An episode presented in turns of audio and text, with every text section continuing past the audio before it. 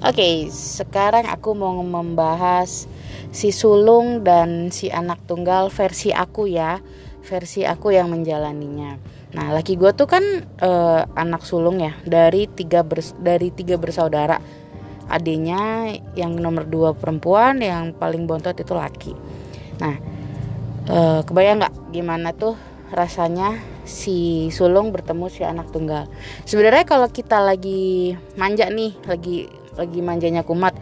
Si anak tunggal ini lebih ke ngemong gitu loh pengen ngemong karena dia nggak punya adik kan. Jadi dia kayak pengen jiwa-jiwa kakaknya dia mengemong gitu kan.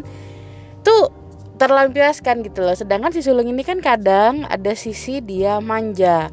Ada sisi rata-rata anak anak anak sulung tuh ada emang sih rata-rata anak anak sulung tuh kelihatannya cool ya apa sok tough gitu sok kuat gitu. Tapi padahal tuh dia ada sisi pengen dimanjanya balik lagi ya ini versi aku. Terus jadi di saat si sulungnya ini ada rasa pengen manja pengen itu tuh si si tunggal ini tuh lebih ayo deh dimong gitu loh. Tau kan bahasa ngemong gitu karena si anak tunggal ini nggak pernah ngemong gitu. Kayak dulu pas masih kecil tuh gue ngomong banget ngomong boneka boneka gue gue ajak ngobrol kayak gitu gitu loh maksudnya. Gue telaten untuk nyuapin mereka kayak itu dan sedangkan si sulung ini uh, pengen dimanja. Jadi ya cocok gitu kalau untuk hal yang kayak gitu ya. Kalau misalnya mau lagi lagi manja-manjaan gitu. Pengen disuapin kayak gitu-gitu gitu. Nah si si apa namanya? Si man, si si tunggal ini tuh dengan senang hati oh ya sini sini sini. Gitu loh. Paham kan maksudnya? Hal-hal kayak gitu menurut aku cocok nih si tunggal sama si sulung. Kalau untuk hal itu. Tapi kalau untuk masalah keras-kerasan ya itu mah tergantung jiwa mengalah ya. Terus untuk berbagi. Nah ambil ambil contohnya dalam hal makanan nih. Si anak tunggal lo mau dikasih ayam lima ya itu buat lo sendiri. Bener nggak? Bokap lo nih pulang uh, nih bapak bawa ayam lima. Buat siapa lagi? Paling buat bapak lo nyokap lo buat lo. Gitu kan kalau nggak habis ya buat besok ibaratnya gitu. Kalau si anak anak yang si sulung kan masih mikirin duh adik gue udah makan belum ya?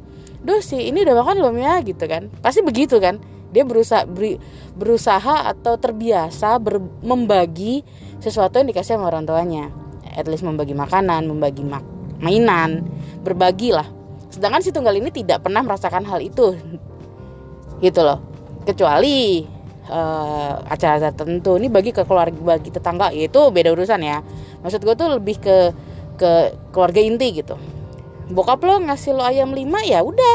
Lo makan deh tuh. Gimana caranya? Nggak ada kata-kata yang ayo ingetin saudaranya. Ayo ingetin adenya kan nggak ada kata-kata gitu ya.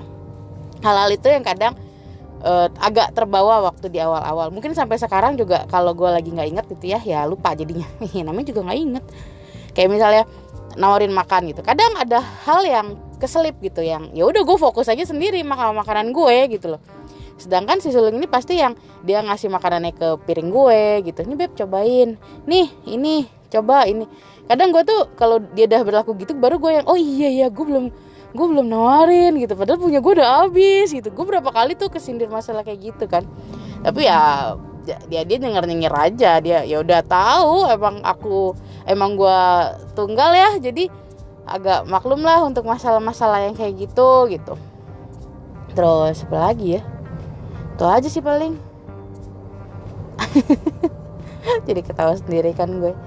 Uh, itu paling kalau untuk masalah berbagi itu. Dan senangnya gini kan uh, laki gue tuh punya adik dong otomatis ya.